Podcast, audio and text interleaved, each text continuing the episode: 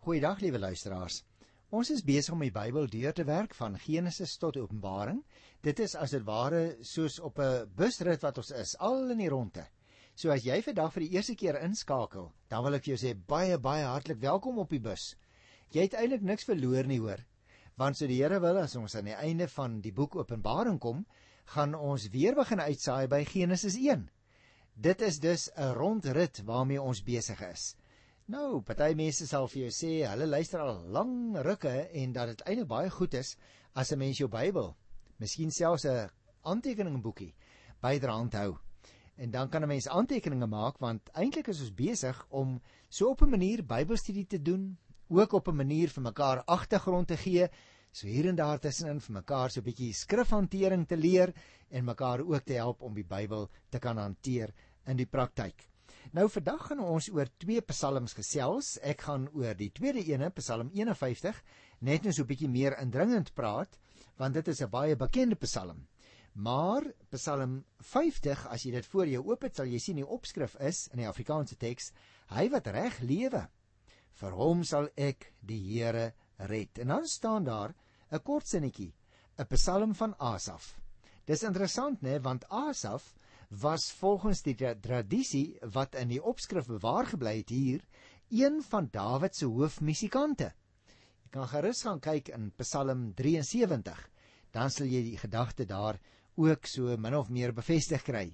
Die digter sê naamlik hier: Die Here straf diegene wat ligsinnig is oor hom wat die Here is. Hy praat dus eers met die mense wat oppervlakkig godsdienstig is en vir wie godsdiens eintlik maar niks anders is nie as 'n uiterlike en 'n rituele besig wees, maar daar's nie regtig inhoud nie.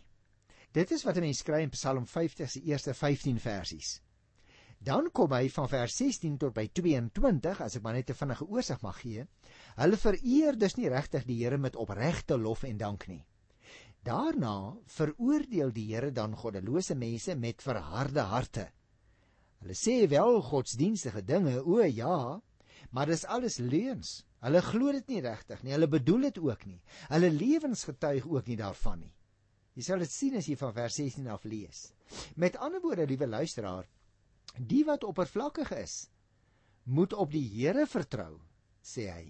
En die goddeloses moet weet dat dit hulle laaste kans is voordat hy die Here hulle gaan straf die hofsaak wat eintlik hier aan die gang is vertoon 'n vaste patroon. Daar's 'n inleiding met die getuienis wat opgeroep word die eerste 7 verse.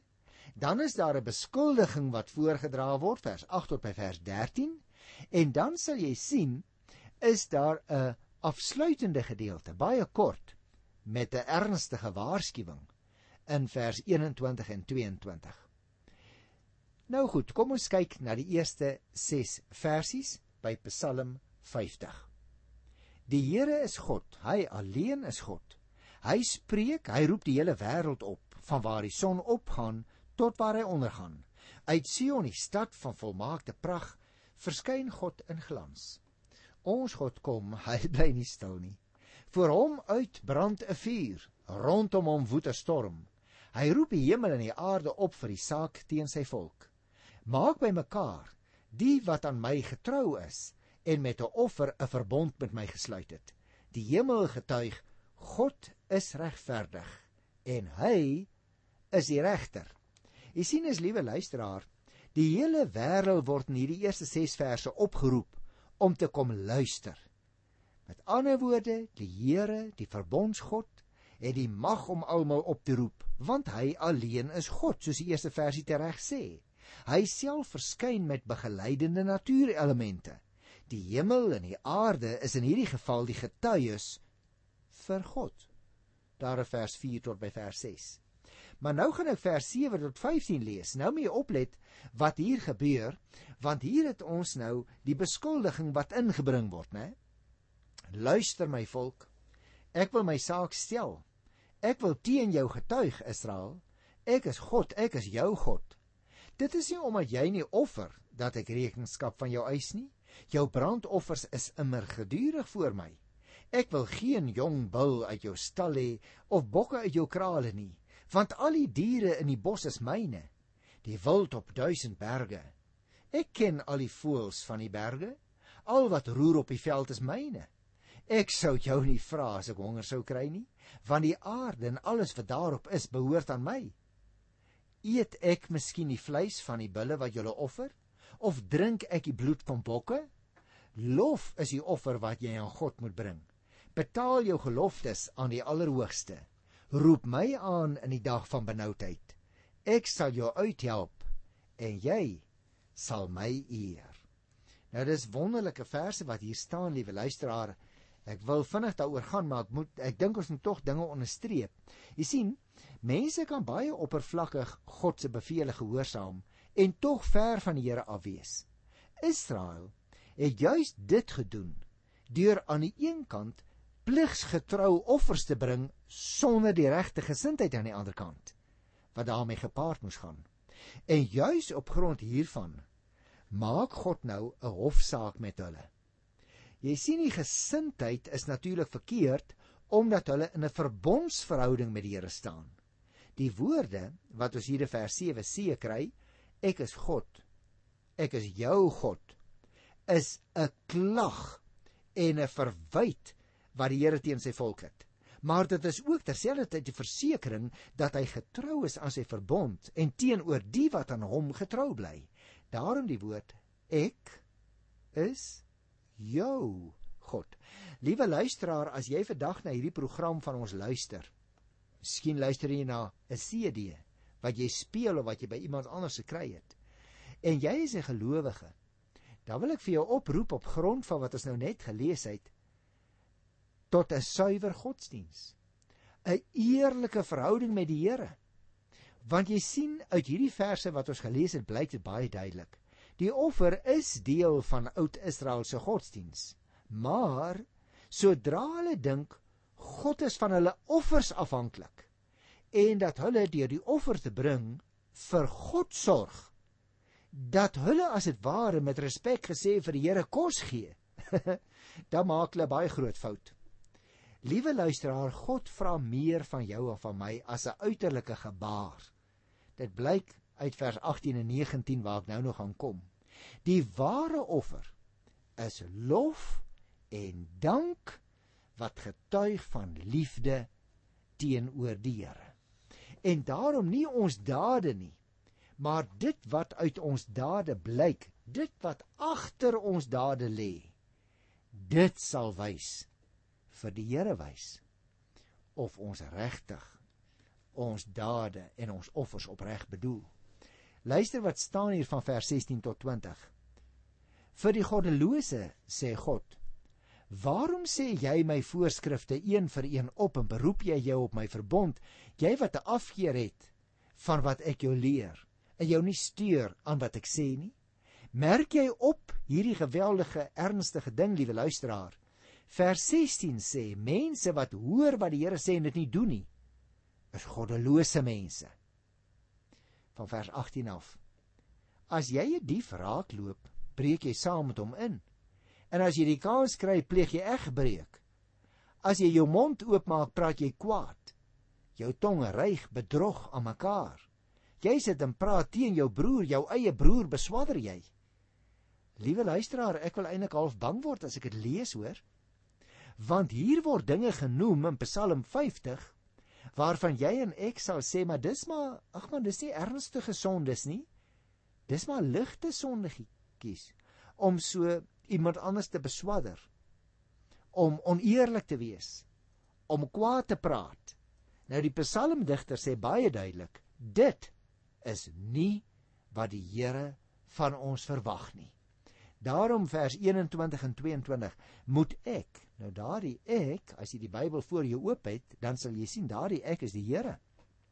Hy vra as jy nou so oppervlakkig jou godsdienst beoefen, moet ek die Here stil bly as jy sulke dinge doen. Dan sal jy dink ek het soos jy geword. Nee. Nee, ek eis rekenskap van jou. Ek kla jou aan. Julle moet luister na hierdie waarskuwing. Julle wat nie met God rekening hou nie anders verskeur ek julle sonder dat iemand kan red. Ek het gesê luisteraar, ek word half bang. Want dit gaan hier oor wat jy en ek sou noem ligte sonnetjies, klein sonnetjies. Die Here sê luister as jy besig is met oppervlakkige godsdiens, dan het ek daar geen erg aan nie. Want ek wil daar niks van weet nie. Hy sê God kan nie die onreg deur sy vingers sien glip nie. Hy straf die mens wanneer hy nie op sy waarskuwing agslaan nie. Want jy sien, as die Here dit nie sou doen nie, dan het hy geword soos die wat onreg doen en so gewone aangeraak dat dit nie meer raak gesien word nie. Maar sê ons verse, God eis rekenskap. Liewe luisteraar, die sonde word gestraf wanneer die mens nie ag gee op God se waarskuwing nie. Jy en ek moet ons dus ook op hierdie dag laat waarsku deur die Here se woord. Luister na vers 23. Die mens wat my eer is die een wat lof as 'n offer bring. Hy wat reg lewe vir hom sal ek red. Jy sien, offer en reg lewe moet rym met eer aan God. Woord en daad moet klop, liewe luisteraar. God help die wie se woorde opreg is en wie se dade van opregte woorde getuig. Nou dit bring my nou by Psalm 51. Ek het net vir jou gesê ek wil so 'n bietjie meer daaroor gesels want Psalm 51 is seker een van die mees bekende psalms wat jy en ek van kleins af geleer het. Ek wil eers die opskrif lees en dan gaan ek meer daaroor praat.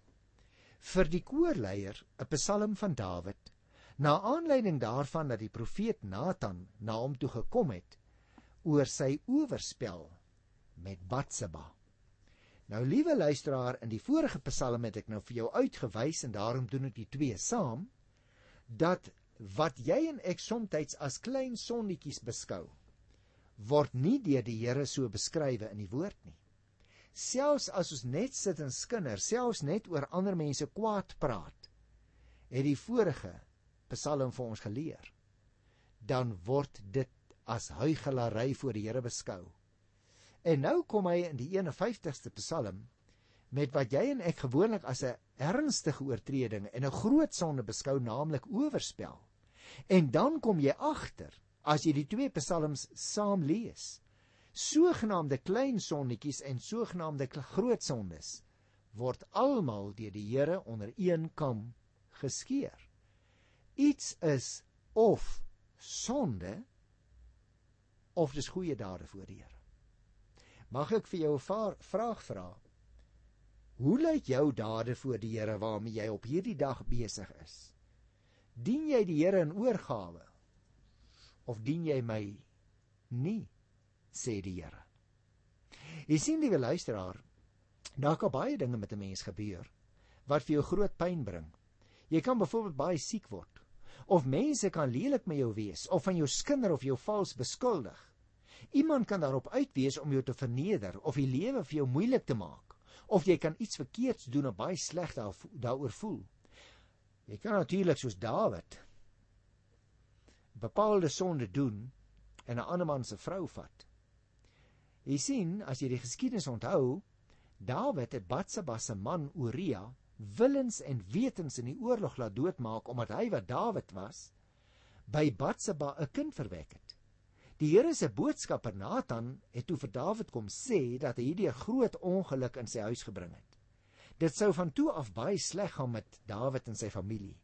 Dawid het fisies skuldig gevoel oor wat hy gedoen het. Sy gewete het in hom gebrand. Daar was vir Dawid net een pad uit sy probleem uit.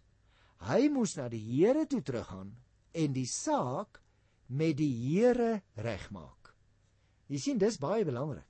Met ander mense sekerlik ook, maar met die Here veral. Omdat die Here die God van liefde is, luisteraars, kan 'n mens nie na die Here toe kom en dan omdraai en verkeerde dinge gaan doen nie. Hy kan jou siekte wegneem of dit vir jou makliker maak. Dit is so ja. Hy kan mense wat jou haat se hart verander. Dit is ook waar. Die Here kan jou sterk maak vir die pyn wat jy moet ly wanneer ander mense met jou spot. Jy kan selfs na die Here toe gaan wanneer jy self die probleem geskep het vanweë jou eie verkeerde gedrag. Sy liefde, liewe luisteraar vir sondaars, is groot vir enige persoon. Hy kan jou vergewe en hy kan die las wat jou gewete op jou plaas van jou skouers afhaal. Nou in sy gebed spel die gelowige man wat hier aan die woord is Dawid dan vir die Here sy probleem uit. Hy sê vir die Here wat hom ongelukkig maak. Hy praat oor die pyn wat hy ervaar, oor sy moeilike omstandighede, oor die mense wat die lewe vir hom so moeilik maak, selfs oor sy eie verkeerde optrede. En dit is seker die moeilikste van alles, liewe luisteraar, wanneer jy nie die vinger na iemand anders kan wys nie, maar ook oor jou eie sonde 'n slag met die Here moet praat. Maar dit is die enigste die enigste pad uit die uit die probleem uit.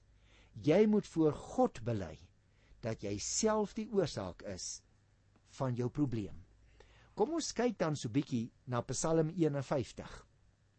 En ek lees vers 3 tot by vers 7 en dan praat ons eers met mekaar daaroor. Wees my genadig o God in u troue liefde wis my oortredings uit in die groot barmhartigheid was my skoon van my skuld reinig my van my sonde. Ja my oortredings ken ek en van my sonde bly ek altyd bewus. Teen u alleen het ek gesondig. Ek het gedoen wat verkeerd is in u oë. U uitspraak is reg en u oordeel regverdig. Ek was al skuldig toe ek gebore is met sonde belaai toe my moeder swanger geword het. Nou liewe luisteraar Hoewel die Psalm dus aan Dawid verbind word, is dit nie seker of daarmee bedoel word dat hy die skrywer daarvan is nie. Immers in Dawid se tyd was die mure van Jerusalem byvoorbeeld nie vervalle nie. Want byvoorbeeld in vers 20 lees ons hierdie woorde: Laat Sion u liefde en u goedheid ondervind. Herbou tog die mure van Jerusalem. So ten minste daardie versie sou mens sê is later bygevoeg, want in Dawid se tyd was die mure van Jerusalem natuurlik nooit verwoes nie. Nou hierdie derde tot sewende vers wat ek gelees het. Daaruit is dit baie duidelik volgens 2 Samuel 12 dat Dawid opreg berou gehad het oor sy oorspel met Batseba en die moord op haar man in 'n poging om die sonde weg te steek. En daarom as jy die konteks waaroor hierdie 51ste Psalm praat wil verstaan, dan moet jy gaan lees in 2 Samuel 12. Dawid het naamlik geweet dat baie mense deur sy optrede geraak en seer gemaak is. Omdat hy opreg berou gehad het, het God hom genadiglik vergewe, nie omdat hy 'n goeie mens was nie, né? Geen sonde, luisteraars, is te groot om vergewe te word nie. Mag ek vir jou 'n vraag vra? Voel jy dalk vandag persoonlik asof jy nooit weer naby die Here sal kan kom nie omdat jy vir iets verskrikliks gedoen het? Dalk is daar so iemand luisteraar op grond van die gesag van die Here se woord mag ek vir jou sê die Here kan. En hy wil jou vir enige sonde vergewe.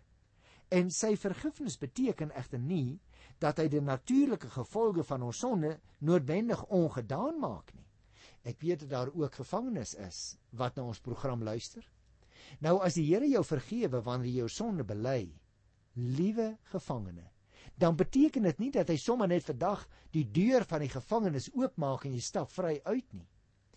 Of as jy 'n siekte het, dat die Here vandag vir jou gaan aanraak en jy vandag onmiddellik genees word nie. Die Here doen nie noodwendig iets so onmiddellik nie. Maar wat vir my baie duidelik uitstaan in vers 6 is dat Dawid sê dat hy teen God gesondig het. Nou wanneer daar gelieg word of gemoor word of geskinder word, is daar altyd 'n slagoffer wat ook daaronder moet ly. Liewe luisteraar, die wêreld sê vandag vir ons dat seks tussen twee volwassenes wat albei daartoe instem aanvaarbaar is omdat niemand seer kry nie. Word soms gesê. Maar wie wat? Daar is mense wat wel seer kry. In Dawid se geval het 'n baba gesterf en is 'n man vermoor alle sonde benadeel onsself en ander mense en is ten diepste 'n misdryf teen God. Want jy sien enige sonde in watter vorm dit ook al is, is 'n bewys van opstand teen die gebooie van die Here. 'n Diep sondebesef is nodig. En daarom is vir my belangrik dat ons hierdie twee psalms te gelyk behandel het. Want in Psalm 50 sowel as in Psalm 51 blyk dit dat die Here opregte berou vra van iemand wat voor hom en teen hom oortree het. Daarom, liewe luisteraar, let op na die trant van Dawid se gebed hier van vers 16 af. Hy sê: "Red my van ondergang. O God, my redder, dat ek kan jubel oor u verlossingsdaad." Jy sien is duidelik uit die woorde wat Dawid gebruik dat hy baie opregte berou voor die Here het oor wat hy gedoen het. Hy sê vers 17: Here, gee my die woorde om u lof te verkondig. 'n Offer vra u nie, anders sou ek dit bring. 'n Brandoffer wil u nie hê nie. Die offer wat u wil hê, o God, is vir ootmoediging. U sal 'n hart vol ootmoed en berou nie gering ag nie, o God. Dit is dus duidelik, liewe luisteraar, hier uit vers 16, die gedeelte wat ek gelees het dat vergifnis 'n verlossingsdaad genoem word in die digter se loflied. Met ander woorde dat die Here vergifnis gee wanneer hierdie man in berou sy sonde voor die Here uitkla. Die ware offer is dus meer as die uiterlike daad. Dit lees ons ook in vers 18 en 19 dat hy sê Here dis nie 'n offer wat u vra nie dan sou ek dit tog vir u gebring het. 'n Brandoffer wat u wil hê nie. Die offer wat u wil hê, vers 19, o God, is voor ootmoediging. U sal 'n hart vol ootmoed en berou nie gering ag nie, o God. En daarom, liewe luisteraar, ek weet nie wat jou oortreding is nie. Ek weet nie wat die ding is wat tussen jou en die Here staan nie, maar ek wil tog vir jou vra. As jy vandag berou in jou hart het en jy kom met daardie berou in ootmoed voor die Here, dan sal hy jou vergewe. En daarom wil ek afsluit met die woorde van vers 20 en 21 in Psalm 51. Laat Sion u liefde en u goedheid ondervind. Herbou tog die mure van Jerusalem, dan sal die offers wat voorgeskryf is weer vir u aanneemlik wees. Offerdiere wat heeltemal verbrand word dan sal hulle weer bulle op u altare offer. Jy sien, dit is baie duidelik uit vers 20 en 21. Die verloste is verbind aan sy gemeente. Hy bid vir daardie gemeente sodat hulle vir God ook wanneer hulle offers bring met die regte gesindheid die offer sal bring. Dit is alleen moontlik, liewe luisteraar, indien die gemeente God se liefde en sy goedheid op dieselfde manier ondervind het as die bidder. Dit wil sê, in vergifnis van sonde met 'n nuwe rein hart wat 'n mens net kry deur die Heilige Gees. Mag ek dus vir jou vra, liewe luisteraar, in watter gesindheid kom jy na die Here toe? Die gesindheid wat geskep word deur die Heilige Gees. Dalk het jy nog eers nodig dat jy in ootmoed voor die Here moet buig en sê: Gees van die lewende God, bring my tot die oortuiging van die diepte van my sonde. Want dis eers jy sien wanneer ek in ootmoed onder leiding van die Heilige Gees aan die voete van Jesus Christus buig dat ek aan jou vrymaking mag verkondig. Staan dan op. Gaan die nuwe dag tegemoet. Leef in die vryheid wat Christus vir jou verwerf het aan die kruis van Golgotha. Tot volgende keer. Totsiens.